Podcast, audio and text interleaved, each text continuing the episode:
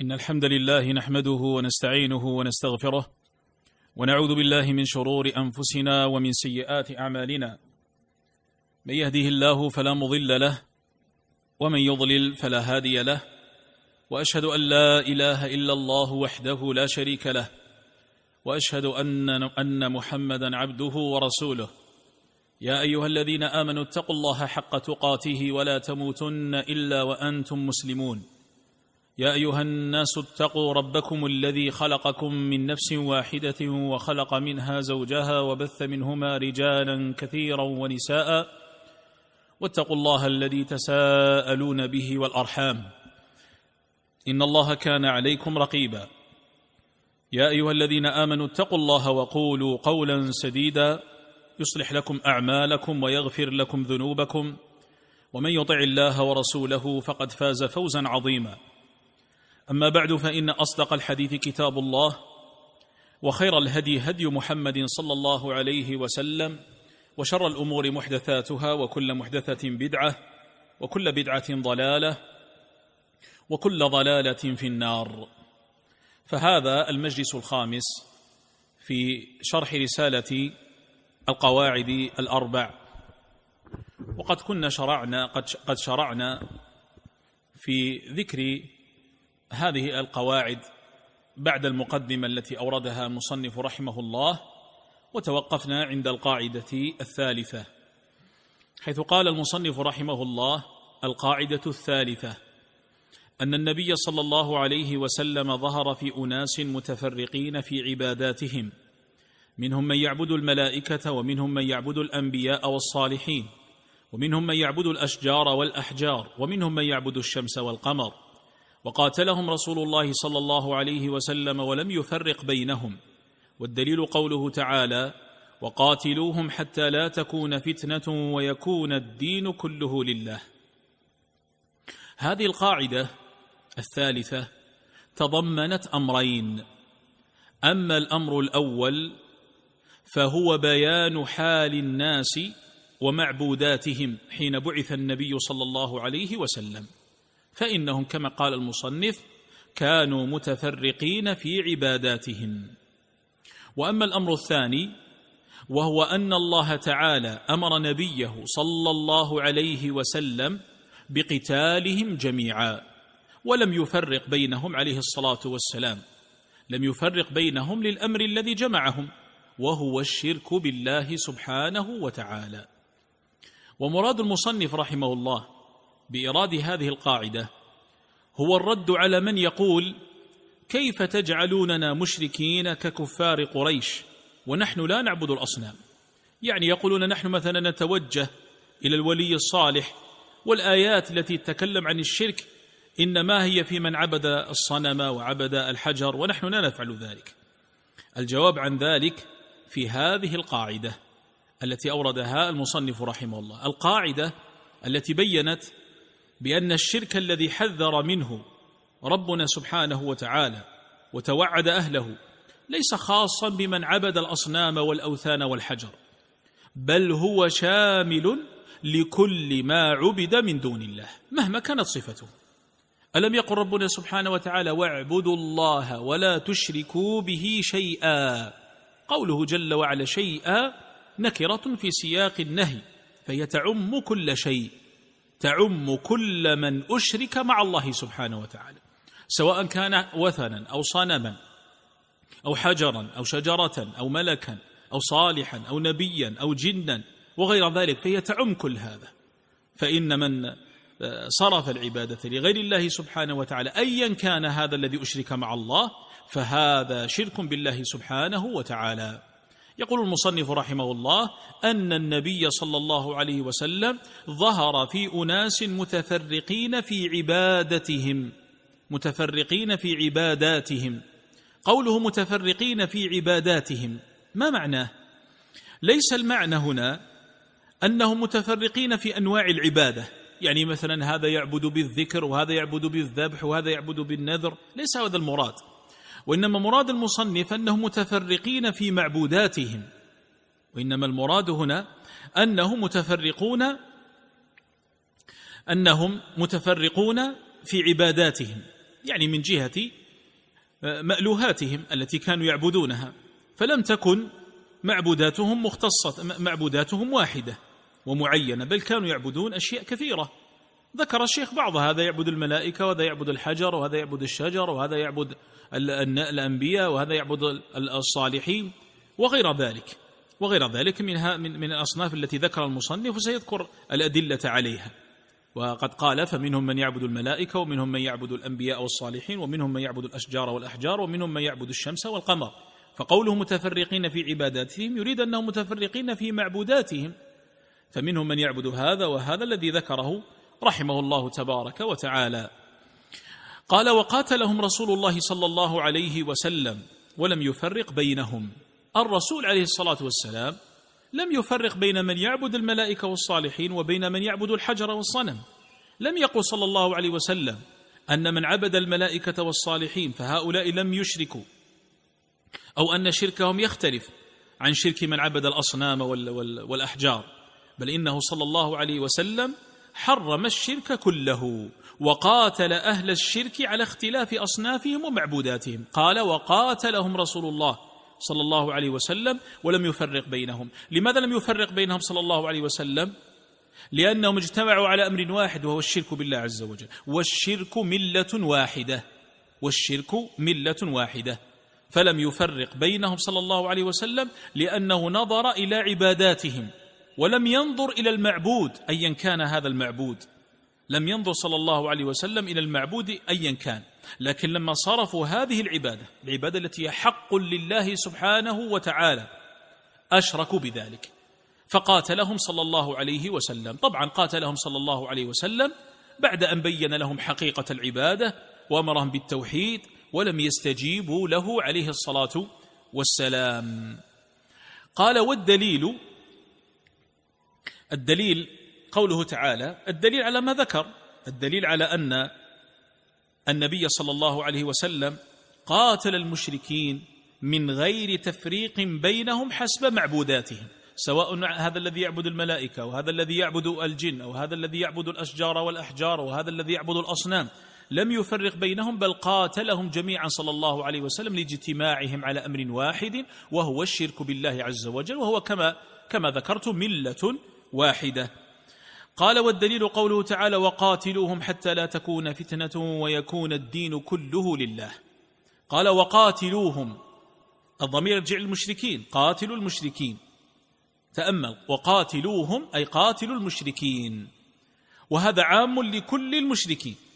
سواء منهم الذي يعبد الحجر والذي يعبد الصنم والذي يعبد الملائكة والذي يعبد الجن. لم يفرق ربنا سبحانه وتعالى بينهم. قال وقاتلوهم حتى لا تكون فتنة حتى لا تكون فتنة الفتنة الشرك حتى لا يقع شرك بالله عز وجل كما قال الشيخ بن باز رحمه الله. قاتلوهم حتى لا تكون فتنة حتى لا يكون شرك ولا يقع شرك بالله سبحانه وتعالى. سواء كان هذا الشرك في الأولياء أو في الصالحين أو في الأصنام أو الأحجار وغير ذلك شرك مطلقا أي صرف العبادة لغير الله. سواء صرفت للأصنام أو للأحجار أو لأي شيء. غير الله سبحانه وتعالى. قال ويكون الدين كله لله. يعني تكون الطاعة والعبادة لمن؟ لله وحده. فلا يعبد غيره سبحانه وتعالى. قال ابن عباس في هذه الآية ويكون الدين كله لله. قال ويخلص التوحيد لله. أو يخلص التوحيد لله. وقال أيضا حتى لا يكون شرك. حتى لا يكون شرك. فالآية أيها الإخوة المستمعون فيها دليل على ما ذكر المصنف. المصنف كما قلنا في هذه القاعدة ذكر أمرين. أحدهما مقاتلة النبي صلى الله عليه وسلم لهم. ما دليله من الآية؟ دليله وقاتلوهم حتى لا تكون فتنة.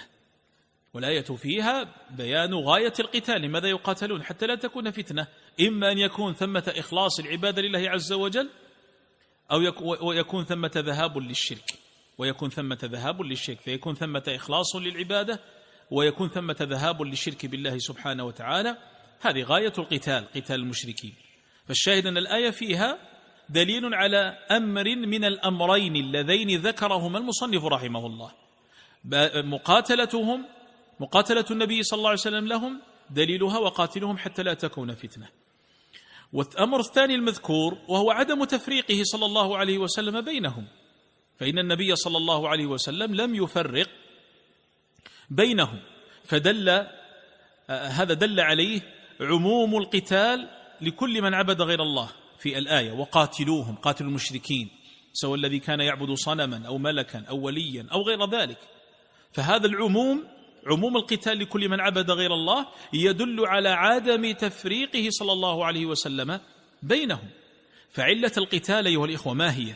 علة القتال جعل الدين لغير الله وهذا يعم كل ما عب وهذا يعم كل من عبد غير الله وهذا يعم كل من عبد غير الله سبحانه وتعالى سواء كان صنما أو وليا أو حجرا كما ذكرت مرارا وأما الدليل على تفرق الناس في عبادتهم وتنوع معبوداتهم في زمنه صلى الله عليه وسلم حين بعث فقد أورد المصنف رحمه الله أدلة متنوعة لكل معبود ذكره. وهذه عادة المصنف رحمه الله في ربط المسائل بدلائلها حتى يكون القارئ لرسالته على بينة فيتضح أنه لا سبيل إلى حصر الشرك في الاصنام والأحجار ثم نفي الشرك عن التوسلات بالأولياء والصالحين وغير ذلك. فهو لما قال رحمه الله فمنهم من يعبد الملائكة ومنهم من يعبد الأنبياء والصالحين ومنهم من يعبد الأشجار والأحجار ذكر الأدلة على أن هذه عبدت من دون الله. عبدت حين بعث النبي صلى الله عليه وسلم وجد هؤلاء يعبدون هذه الأشياء التي ذكرها. رحمه الله تبارك وتعالى فذكر عليها دليلا دليلا. فقوله رحمه الله أن النبي صلى الله عليه وسلم ظهر على أناس متفرقين في عباداتهم قال وقاتلهم حتى لا وقال ولم يفرق وقاتلهم رسول الله ولم يفرق بينهم فهذا فهذه المقاتلة وعدم التفريق بينهم دلت عليها الآية السابقة. وقاتلوهم حتى لا تكون فتنة ويكون الدين كله لله. أما ما يتعلق ببيان حال الناس ومعبوداتهم حين بعث النبي صلى الله عليه وسلم كانوا متفرقين في عباداتهم. وذكر انواعا. طب الآن يأتي السؤال. المصنف قال منهم من يعبد الملائكة. ما الدليل على أن منهم من عبد الملائكة؟ ما الدليل على أن منهم من عبد الأنبياء؟ ما الدليل على أن منهم من عبد الصالحين حين بعث النبي صلى الله عليه وسلم. ما الدليل على أن منهم من عبد الأشجار ومنهم من عبد الأحجار ومنهم من عبد الشمس والقمر؟ ذكر لكل واحدة رحمه الله دليلا من كتاب الله عز وجل. فقال مبينا ذلك ودليل الشمس والقمر دليل ماذا؟ دليل كونهما عبدا من دون الله سبحانه وتعالى. المشركون قد اتخذوا الشمس والقمر معبودين من دون الله سبحانه وتعالى. قال قوله تعالى ومن آياته الليل والنهار والشمس والقمر. لا تسجدوا للشمس ولا للقمر واسجدوا لله الذي خلقهن إن كنتم إياه تعبدون. الشمس والقمر آيتان عظيمتان ولعل هذا ما حمل المشركين على اتخاذهما معبودين من دون الله سبحانه وتعالى. قال سبحانه وتعالى ومن آياته الليل والنهار والشمس والقمر. فهما آيتان عظيمتان. قال لا تسجدوا للشمس ولا للقمر. نهى عن السجود لهما. والمرود والمراد بالسجود عبادتهما فنهى عن عبادة الشمس والقمر. قال واسجدوا لله الذي خلقهن إن كنتم إياه تعبدون. يعني إن كنتم صادقين في عبادة الله وهم كانت لهم شيء من العبادات لله كالحج مثلا ونحو ذلك. إن كنتم صادقين في عبادة الله فلا تعبدوا الشمس والقمر. لا تسجدوا للشمس ولا للقمر. واسجدوا لله الذي خلقهن اسجدوا لله سبحانه وتعالى. فهذا فيه دليل على أن من المشركين الذين بعث فيهم رسول الله صلى الله عليه وسلم من كان يعبد الشمس والقمر ويسجد لهما. وهذا هو الشاهد أيها الإخوة. الشاهد على أن من الناس من عبد الشمس والقمر من المشركين في عهد نبينا صلى الله عليه وسلم. ومن حرص النبي صلى الله عليه وسلم على التوحيد وحماية جنابه ومن حرصه على سد كل ذريعة تفضي إلى الشرك بالله عز وجل. نهانا صلى الله عليه وسلم أن نصلي عند طلوع الشمس وغروبها. قال عليه الصلاة والسلام لا يتحرى أحدكم فيصلي عند طلوع الشمس ولا عند غروبها. كما في الحديث الذي رواه الشيخان. وقال أيضا صلى الله عليه وسلم عن هذه الصلاة عند طلوع الشمس وغروبها تلك صلاة المنافق.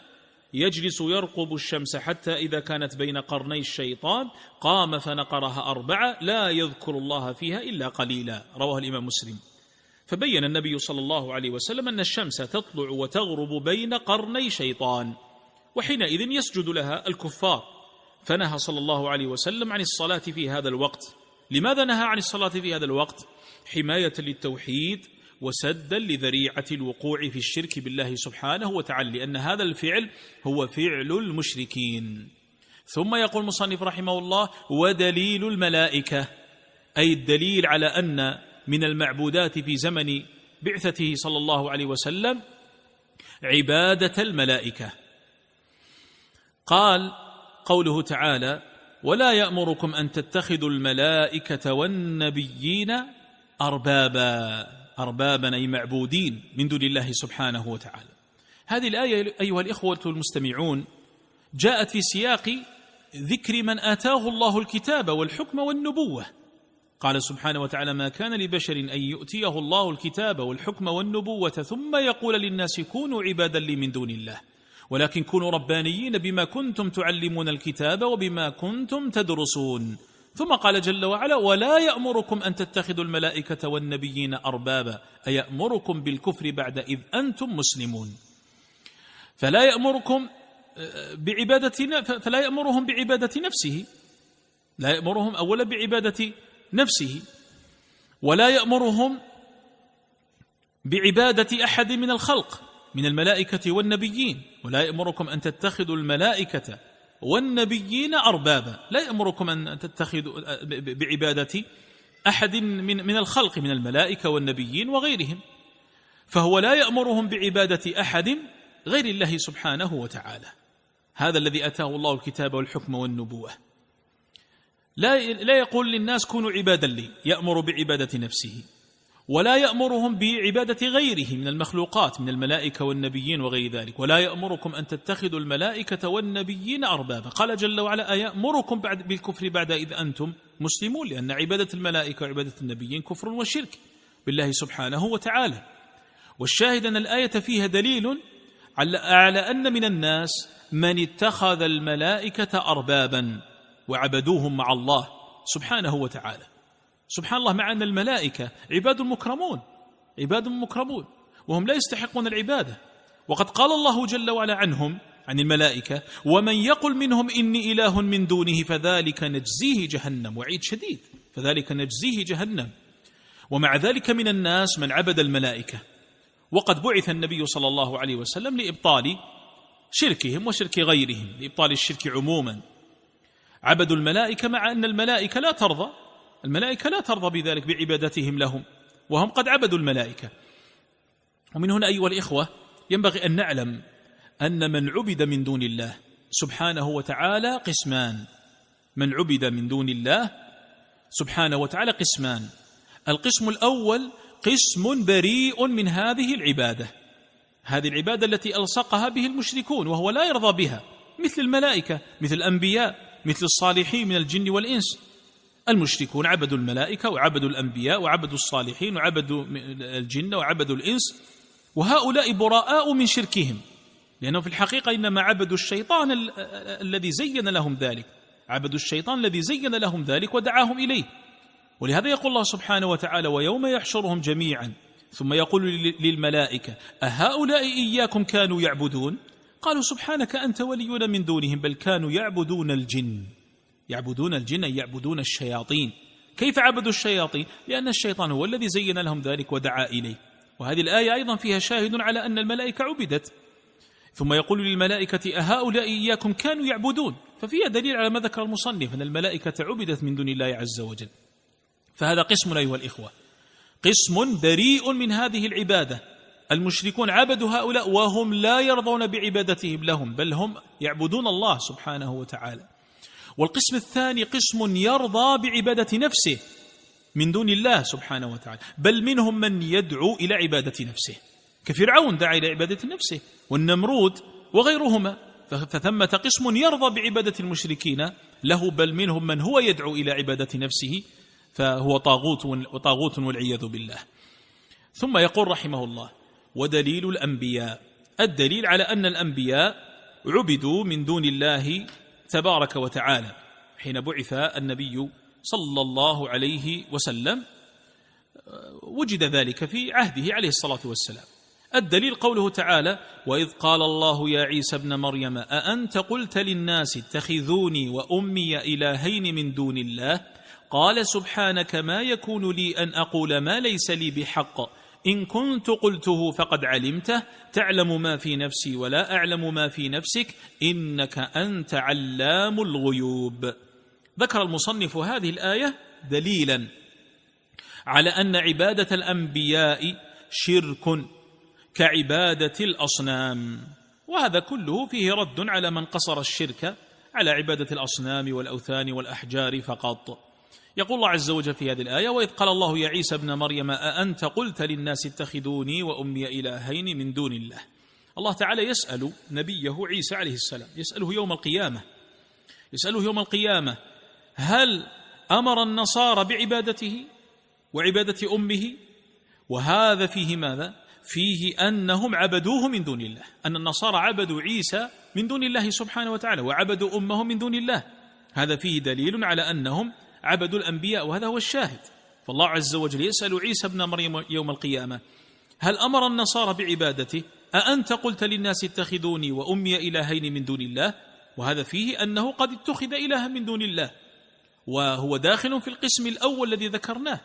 ممن عبد من دون الله عز وجل قسم بريء من هذه العبادة فهو بريء منها. وسيذكر الله جل وعلا في هذه الآية تبرؤه منهم تبرؤه منهم ومن عبادتهم.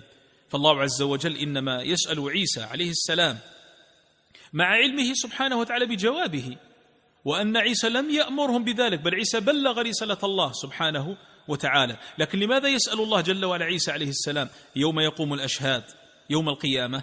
لإظهار الذم لهؤلاء هؤلاء الذين عبدوهم من دون الله سبحانه وتكون حج عليهم ويكون توبيخا لهم وزد على ذلك فضحهم مع فضحهم يوم يقوم الأشهاد في ذلك الموقف العظيم. وإذا كان هذا لأجل ذمهم فالذم متوجه إلى كل من سلك مسلكهم في عبادة غير الله عز وجل كعبادة الأنبياء من دون الله سبحانه وتعالى. قال الله عز وجل قال سبحانك ما يكون لي أن أقول ما ليس لي بحق. قال سبحانك تنزيها للرب سبحانه وتعالى ما يكون لي أن أقول ما ليس لي, بحق. العبادة ليست بحق لعيسى كأنه يقول العبادة ليست بحق لي حتى أقول للناس اعبدوني. كما أشار إلى هذا الشيخ محمد أمن جامي رحمه الله. إن كنت قلته فقد علمت. تعلم ما في نفسي ولا أعلم ما في نفسك إنك أنت علام الغيوب. فعيسى عليه السلام أيها الإخوة بهذا يتبرأ يتبرأ من هؤلاء يتبرأ من شركهم يوم القيامة. بل إنه يتبرأ من الشرك قبل القيامة. لأن من المعلوم أن عيسى ابن مريم ينزل إلى الأرض في آخر الزمان. وإذا نزل في الأرض نزل إلى الأرض في آخر الزمان يتبرأ من عبادة الصليب. وقد قال النبي صلى الله عليه وسلم والذي نفسي بيده ليوشكن أن ينزل فيكم ابن مريم حكما عدلا فيكسر الصليب ويقتل الخنزير ويضع الجزية. الحديث رواه البخاري ومسلم. اذا أيها الإخوة فهذا دليل على أن من بعث فيهم النبي صلى الله عليه وسلم منهم من كان يعبد الأنبياء. أي شركه في عبادة الأنبياء كمن عبد آه، عيسى ابن مريم عليه السلام. ثم يقول المصنف رحمه الله ودليل الصالحين اي الدليل على أن من الناس من كان يعبد الصالحين في عهد النبي صلى الله عليه وسلم. قوله تعالى أولئك الذين يدعون يبتغون إلى ربهم الوسيلة أيهم أقرب ويرجون رحمته ويخافون عذابه. أولئك الذين يدعون يعني يدعوهم المشركون. المشركون يدعون هؤلاء. هؤلاء المدعوون من المشركين من دون الله سبحانه وتعالى. أولئك المدعوون يبتغون إلى ربهم الوسيلة. أيهم أقرب ويرجون رحمته ويخافون عذابه. قال ابن مسعود في تفسير هذه الآية هم نفر من الجن أسلموا وكانوا يعبدون. وقيل الملائكة كانوا يعبدون. وقال ابن عباس ومجاهد بن جبر عزير وعيسى. أي كانوا يعبدون من دون الله. فالشاهد أن هذه الآية في في في تلك في, في أولئك الذين عبدهم المشركون وهم لا يرضون بذلك داخلون في القسم الأول الذي سبق وأن ذكرته في قسمي من عبد من دون الله. قسم الذي يكون بريئا من هذه العبادة. فهذه الآية فيهم. هؤلاء الذين يدعوهم المشركون من دون الله وهم كما قال الله عز وجل عنهم يبتغون إلى ربهم الوسيلة أيهم أقرب ويرجون رحمته ويخافون عذابه. قال المصنف رحمه الله كما في الدرر السنية قال طائفة من السلف كان أقوام يدعون المسيح وعزيرا والملائكة فقال الله لهم هؤلاء عبيدي يرجون رحمتي كما ترجونها ويخافون عذابي كما تخافونه. يعني هؤلاء الذين تدعونهم أنتم من دوني هؤلاء من دون الله هؤلاء يقول الله عز وجل هؤلاء عبيدي يرجون رحمتي ويخافون عذابي. فهؤلاء الذين كانوا يدعونهم من دون الله عز وجل هم قوم صالحون. أثنى الله عليهم بأنهم يعبدونه ويتذللون له يتذللون له لأنه قال يبتغون إلى ربهم الوسيلة أيهم أقرب ويرجون رحمته ويخافون عذابه. فهم قوم صالحون أثنى الله عليهم وهذا يدل على صلاحهم. فالآية أيضا أيها الإخوة فيها رد على من يدعو صالحا ويقول أنا لا أشرك بالله لأني لا أعبد الأصنام ولا أعبد الأوثان لأن الآية أيها الإخوة دلت على عدم جواز عبادة الصالحين على عدم جواز عبادة الصالحين. والمصنف أورد هذه الآية للدلالة على عبادة الصالحين لأنه قال ودليل الصالحين أي الدليل على أن من الناس من عبد الصالحين. طيب الآن قد يقول لنا قائل أليست الآية أليست الآية في ذكر الملائكة والأنبياء؟ فكيف يستدل بها على عبادة الصالحين؟ لأنه في في أقوال بعض أهل العلم ابن مسعود مثلا رضي الله تعالى عنه قال نفر من الجن. وقيل الملائكة. وابن عباس يقول عزير وعيسى. هؤلاء أنبياء. فكيف يستدل بها على الصالحين؟ الجواب عن ذلك من جهتين. أو من وجهين. أما الوجه الأول فيقال أليس الأنبياء والملائكة من الصالحين؟ بل هم أصلح الخلق بل هم أصلح الخلق. فدليل الصالحين حتى إذا ذكر فيه ما يتعلق بالأنبياء والملائكة فإنه يدل على ذلك لأنهم أصلح الخلق. ثم الوجه الثاني أن يقال إن العبرة بعموم اللفظ لا بخصوص السبب كما في القاعدة. فالآية متناولة لكل من عبد من دون الله. لكل من عبد من دون الله وهو يتقرب إلى الله ويرجو رحمته فيدخل فيها الصالحون حتى من غير الأنبياء. كل من هذا صالح ولي صالح مثلا عبده الناس من دون الله وهو لا يرضى بذلك وهو كان يتقرب إلى الله جل وعلا بالتوحيد وإخلاص العبادة له. ثم هؤلاء عبدوه من دون الله سبحانه وتعالى. فهذه عبادة للصالحين ولهذا يقول شيخ الإسلام ابن تيمية رحمه الله فالآية تعم من كان معبوده عابدا لله سواء كان من الملائكة أو من الجن أو من البشر. من البشر سواء كان نبيا أو من غير الأنبياء. المهم أن يكون من الصالحين العبد العابدين لله سبحانه وتعالى. ولهذا قال في الآية تعم من كان معبوده عابدا لله معبوده عابدا لله سبحانه وتعالى. أما من فسر أما أقوال من, من فسر هذه الآية ابن مسعود يقول نفر من الجن وبعضهم يقول الملائكة وابن عباس ومجاهد يقول عزير وعيسى. فمن فسرها بهذه التفسيرات بالملائكة وبعضهم بالجن وبعضهم بالأنبياء فهم يذكرون جنس المراد بالآية على نوع التمثيل فقط. يذكرون جنس المراد بالآية على نوع التمثيل وإلا الآية فإنها شاملة للجميع. تعم كل من كان معبوده عابدا لله موحدا لله سبحانه وتعالى ففيها دليل على الصالحين فهو يدل على ما أراد المصنف من أن عبادة الصالحين كانت في زمن النبي صلى الله عليه وسلم. ومما يدل عليه الآية السابقة التي ذكرها أيضا في دليل الأنبياء وإذ قال الله يا عيسى ابن مريم أأنت يا عيسى ابن مريم أأنت قلت للناس اتخذوني وأمي إلهين من دون الله؟ اتخذوه وأمه إلهين من دون الله وفيه أن مريم عبدت من دون الله ومريم وفي قول جماهير أهل العلم أنها من الصالحات وليست نبية فهي من الصالحات وليست نبية فكانوا يعبدونها فهذا هذا فيه دليل على وجود عبادة الصالحين في عهد النبي صلى الله عليه وسلم. وكذلك قد عبد في زمن النبي صلى الله عليه وسلم اللات واللات قيل هو الرجل الذي كان يلت السويق للحجاج فلما مات عكفوا على قبره وعبدوه من دون الله. وهذا على قراءة اللات بتشديد وهي قراءة ابن عباس اللات. فهذه في الآية أفرأيتم اللات؟ اللات الرجل الذي كان يلت السويق للحجاج فهذا عبد من دون الله سبحانه وتعالى. ثم قال ودليل الأشجار والأحجار. قوله تعالى أفرأيتم اللات والعزى ومناة الثالثة الأخرى؟ أفرأيتم اللات والعزى ومناة. هذه الثلاث هي معبودات كان المشركون يعبدونها. اللات فيها قراءتان كما أشرت الآن قريبا. أفرأيتم اللات؟ أفرأيتم اللات بالتشديد وبالتخفيف؟ قراءة التشديد ذكرت آنفا أنه رجل كان يلت السويق للحجاج فلما مات عكفوا على قبره. وعلى قراءة التخفيف أفرأيتم اللات؟ قال أهل التفسير بأنها صخرة. صخرة كان يعجن ويخلط عليها السويق. لم يكن عنده إناء كبير فكانت تلك الصخرة كبيرة. يخلط عليها السويق الذي كان يقدمه للحجاج. وطبعا لا منافة بين القولين على القراءتين. فإنهم عبدوا الصخرة وعبدوا القبر قبر الرجل الصالح الذي كان يلت السويق. فعبدوا الصخرة وعبدوا القبر. والشاهد أنه وجد من من عبد الأحجار في عهد النبي صلى الله عليه وسلم فهم عبدوا هذه هذا الحجر اللات. الحجر الصخرة التي كان يعجن عليها السويق عبدوها من دون الله سبحانه وتعالى ففيها دليل على ما أراد المصنف.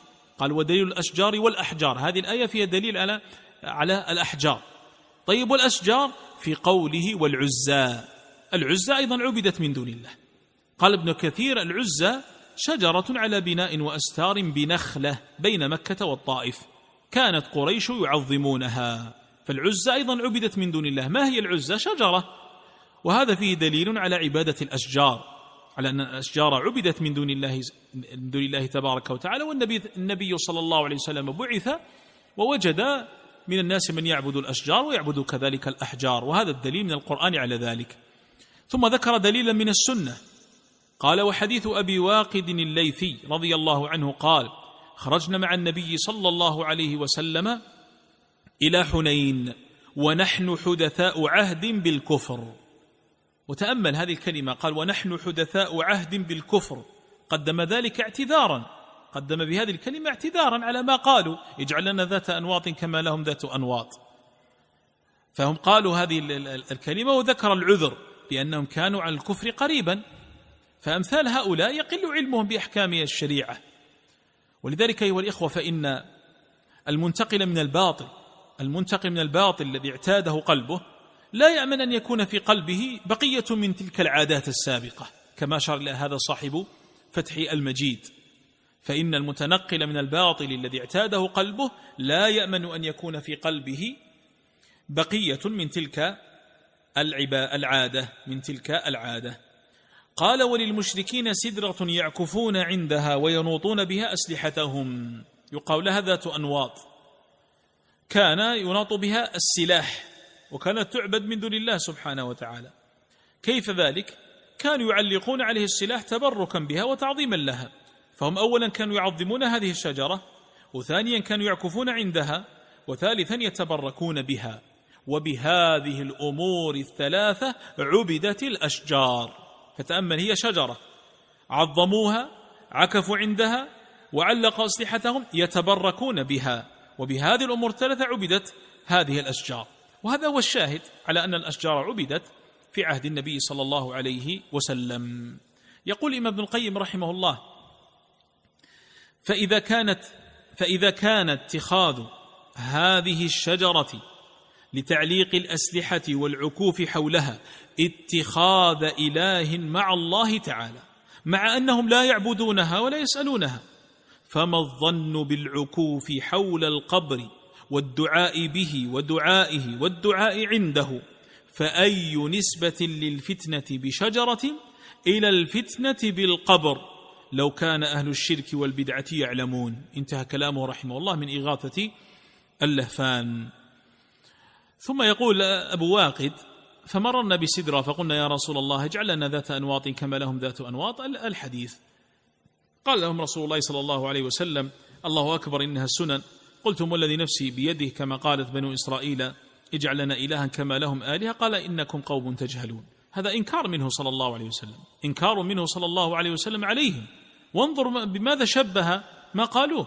شبه ما قالوه وطلبوه بعمل بني إسرائيل. الذين طلبوا أن تكون لهم آلهة. أنتم تقولون جعلنا ذات أنواط كما لهم ذات أنواط وذات أنواط هذه هي شجرة يعبدونها من دون الله سبحانه وتعالى. كأنكم قلتم كما قالت بنو إسرائيل فأنتم قلتم كما قالت بنو إسرائيل. كما قالت بنو إسرائيل لموسى جعل لنا إلها كما لهم آلهة. فالمصنف أيها الإخوة ذكر هذه الأدلة المتنوعة. على أن عبادة الملائكة والأنبياء والأحجار والأشجار والشمس والقمر والصالحين على أنها كانت موجودة في زمنه صلى الله عليه وسلم. فنستفيد من هذا ماذا؟ نستفيد على ضوء هذه القاعدة أن الشرك بالله لا يختص بعبادة الأصنام فقط. أن الشرك بالله لا يختص بعبادة الأصنام فقط. وثمة شيء آخر وهو أن هذه المعبودات التي عبدت من دون الله في زمن النبي صلى الله عليه وسلم وعبدت قبله أيضا صلى الله عليه وسلم. ستعبد في هذه الأمة. تعبد في هذه الأمة. ولما نقول في هذه الأمة يعني في بعض أفراد هذه الأمة. وإلا فالأمة جميعا لن تعود إلى الشرك. كل الأمة جميعا لن تعود إلى الشرك. لكن من هذه الأمة من يشرك بالله سبحانه وتعالى. أليست هذه الم... إذا قال قائل كيف ذلك؟ كيف سيعبدها الناس من هذه الأمة؟ فالجواب أن يقال أليست هذه كانت في من قبلنا؟ إذا كان الجواب نعم نقول ألم يقل الرسول صلى الله عليه وسلم لتتبعن سنن من كان قبلكم شبرا بشبر وذراعا بذراع حتى لو دخلوا جحر ضب لدخلتموه وفي هؤلاء الذين يتبعوا من الأمة من يتبع سننهم فيه من عبد الملائكة وفي من عبد الأنبياء وفي من عبد الحجر وفي من عبد الشجر وفي من عبد الصالحين. فلذلك فإن أفرادا من هذه الأمة يقعون في ذلك. نعوذ بالله أن نشرك به ونحن نعلم ونستغفره لما لا نعلم. ثم ذكر رحمه الله القاعدة الرابعة وهي الأخيرة.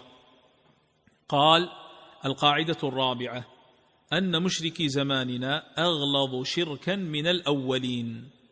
لأن الأولين يشركون في الرخاء ويخلصون في الشدة.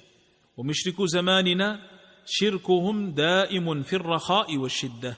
والدليل قوله تعالى فإذا ركبوا في الفلك دعوا الله مخلصين له الدين فلما نجاهم إلى البر إذا هم يشركون. والله أعلم وصلى الله على محمد وعلى آله وصحبه أجمعين.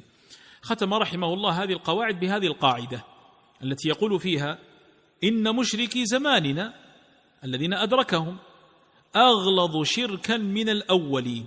الأولين يعني المشركين الذين كانوا في عهد النبي صلى الله عليه وسلم ومن بعدهم.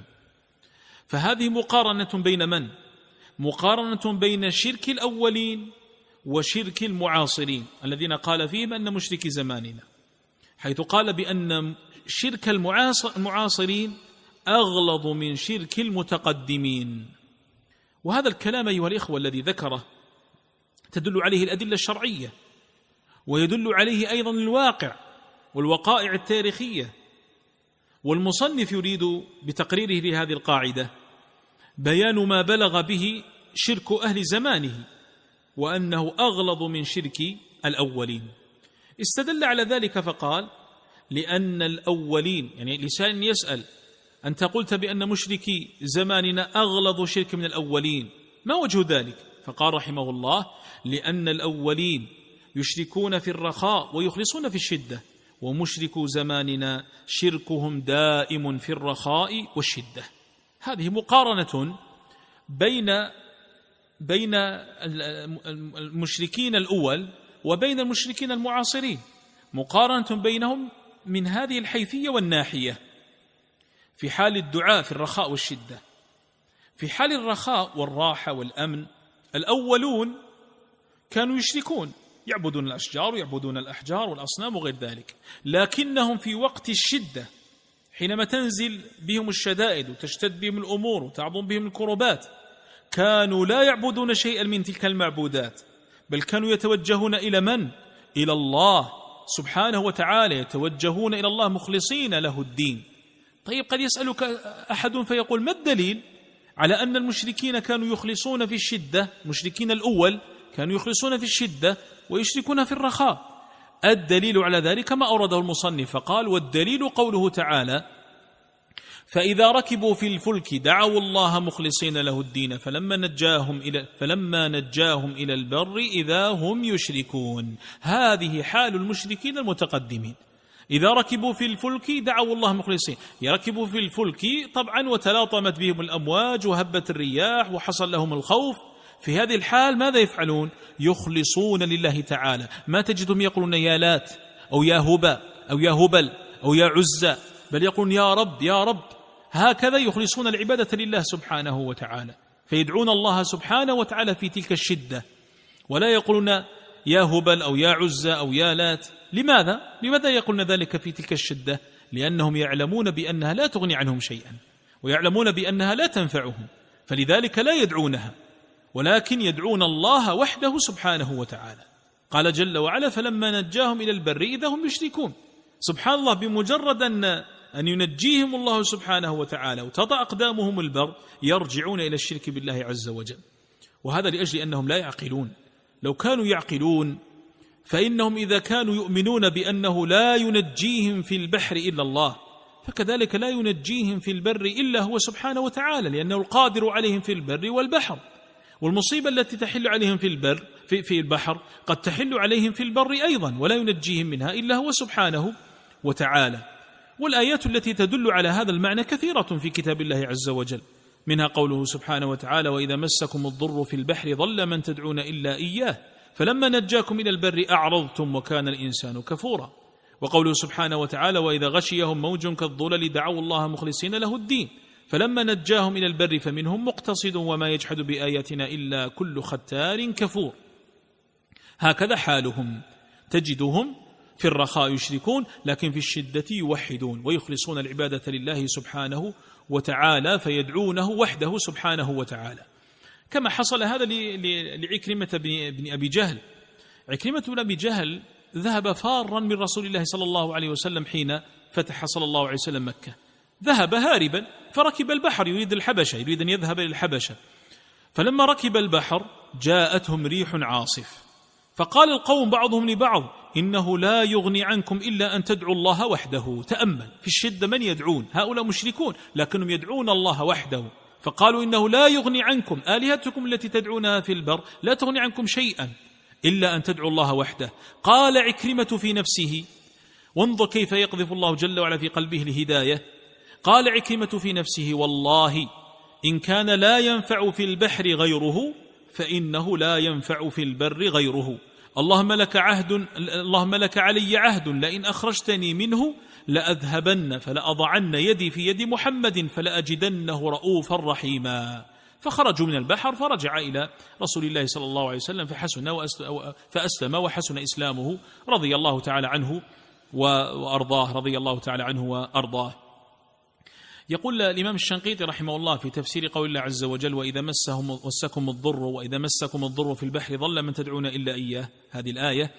يقول رحمه الله لا يخفى على الناظر في هذه الآية الكريمة أن الله ذم الكفار وعاتبهم بأنهم في وقت الشدائد والأهوال خاصة يخلصون العبادة له وحده ولا يصرفون شيئا من حقه لمخلوق.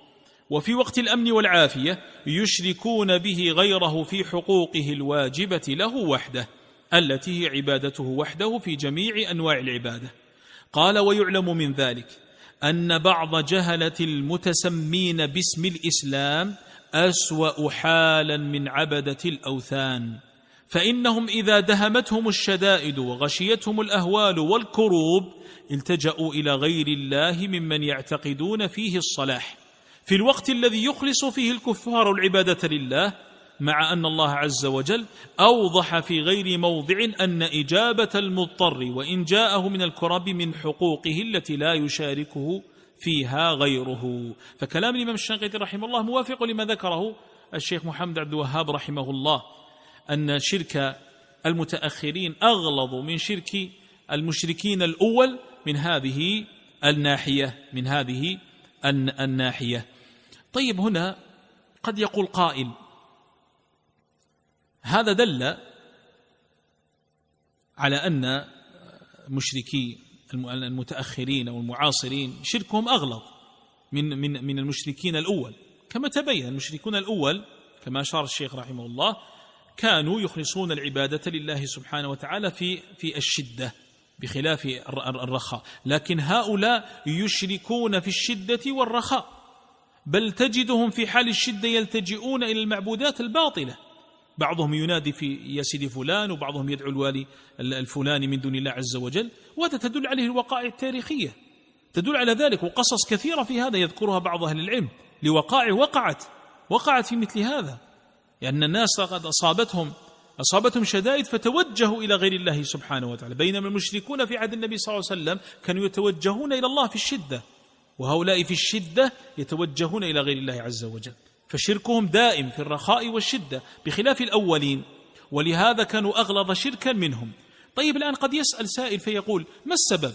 لماذا هؤلاء يشركون في الشدة والرخاء بخلاف المشركين الأول الذين كانوا يشركون في الرخاء فقط؟ لماذا هؤلاء يشركون في الشدة والرخاء؟ يقول الشيخ عبد الرزاق البدر حفظه الله مجيبا عن ذلك قال أقول لك إن من وراء ذلك أئمة الضلال وشيوخ الباطل غرسوا في نفوس هؤلاء التعلق بهم وقالوا لهم إذا أدركت الكرب وعاينت الشدة اهتف باسمي اهتف باسمي وستراني بجنبك.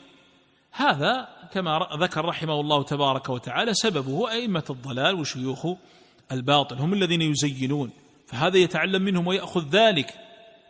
ثم بعد ذلك تجده تحل عليه هذه المصائب فيتذكر ما قاله له هذا شيخ الضلال. فلا يلتجي الله سبحانه وتعالى في الشدة. وهذه القاعدة قد فصلها المؤلف رحمه الله تفصيلا في كتاب له آخر نفيس وهو كتاب كشف الشبهات. فطالب العلم يراجعه ويراجع شروحات العلماء عليه فإنه يستفيد من ذلك. فالمشركون المعاصرون قد يكونون أغلظ من المشركين الأول هذا الذي أراد أن يبينه المصنف رحمه الله تبارك وتعالى. لكن الذي أريد أن أنبه عليه أن هذا ليس في جميع الأمور ليس مطلقا. لا يقال بأن مشركي زماننا أغلظ شركا من المشركين الأول مطلقا وفي جميع الأمور. فمثلا الشيخ يتكلم عن الدعاء في الشدة والرخاء. فنقول من هذه الناحية من ناحية الشدة والرخاء نعم مشركو زماننا والمعاصرون أشد وأغلظ شركا من المشركين الأول. نأتي مثلا ناحية أخرى. معبودات المشركين الأول هي من المقربين. المشركون الأول ماذا كانوا يعبدون؟ يعبدون من المقربين من الملائكة ولا الأنبياء والصالحين. ولا يعبدون معبودات ليست عاصية. يعبدون الأشجار ويعبدون الأحجار لكن مشرك من المشركين المتأخرين من يعبد الفجرة والفساق والعياذ بالله. فيكون بهذا أغلظ من المشركين الأول. أشار إلى هذا الشيخ في كشف الشبهات. نأتي الناحية أخرى مثلا. نجد عامة شرك الأولين في الألوهية. أما شرك المتأخرين فهو في الربوبية والألوهية والأسماء و والأسماء والصفات. والأسماء والصفات. فمن هذه الناحية نقول إن شركهم أغلظ. تجد مثلا من ناحية أخرى المشركين الأول يعلمون معنى لا إله إلا الله ولهذا لا يعتقدون أن ما هم عليه ولذلك هم يعتقدون أن ما هم عليه مخالف للرسل لا يعتقدون أنه موافق لما جاءت به الرسل. ولهذا قالوا أجعل الآلهة إلها واحدا؟ لما قال لهم قلوا لا إله إلا الله قالوا أجعل الآلهة إلها واحدا؟ أما مشرك زماننا فإنهم يشركون بالله ويدعون أن فعلهم موافق لدعوة الرسل ويقولون لا إله إلا الله. لما تأتي أن الذي أريد أن أبينه أنك إذا جئت إلى بعض النواحي تجد أن شرك المعاصرين أغلظ من شرك الأولين وهذا ليس مطلقا لا يقال مطلقا في جميع الأمور. وقد نبه على ذلك الشيخ محمد أمن جامي رحمه الله تبارك وتعالى فقال وهذا ما يقع من كثير من المنتسبين إلى الإسلام الذين يشركون بالله تعالى على جهل. شركهم أفظع من هذه الناحية الناحية التي تتعلق بالدعاء في الشدة والرخاء. فهي فهم في هذه الناحية أفظع وأغلظ شركا من شرك الأولين الصرحاء. ولكن لا نقول هم أكثر شركا في جميع الأمور. ونعمم على جميع الأعمال هذا غير وارد. وغير مراد للشيخ. بل إن المشركين الأولين أنكروا رسالة محمد صلى الله عليه وسلم وآذوه وهؤلاء يؤمنون برسول الله صلى الله عليه وسلم وبرسالته ويؤمنون بالجملة بما جاء به رسول الله على جهل وتخبط ويؤمنون بالجملة بالقرآن. أما أولئك فكانوا ينكرون القرآن وهؤلاء يؤمنون بالبعث بعد الموت وما جرى بعد ذلك من الجزاء وما يجري بعد ذلك من الجزاء والعذاب ويؤمنون بالجنة والنار. هذه فروق ثابتة يخالفون بها المشركين الأولين. قال اذا عندما يقول الشيخ شرك مشرك زماننا أغلظ ويخص بذلك الدعاء أي أنهم عند الدعاء قد يدعون غير الله في الرخاء والشدة. بينما المشركون الأولون إنما يدعون غير الله في حال الرخاء. ويخلصون الدعاء لله تعالى في حال الشدة.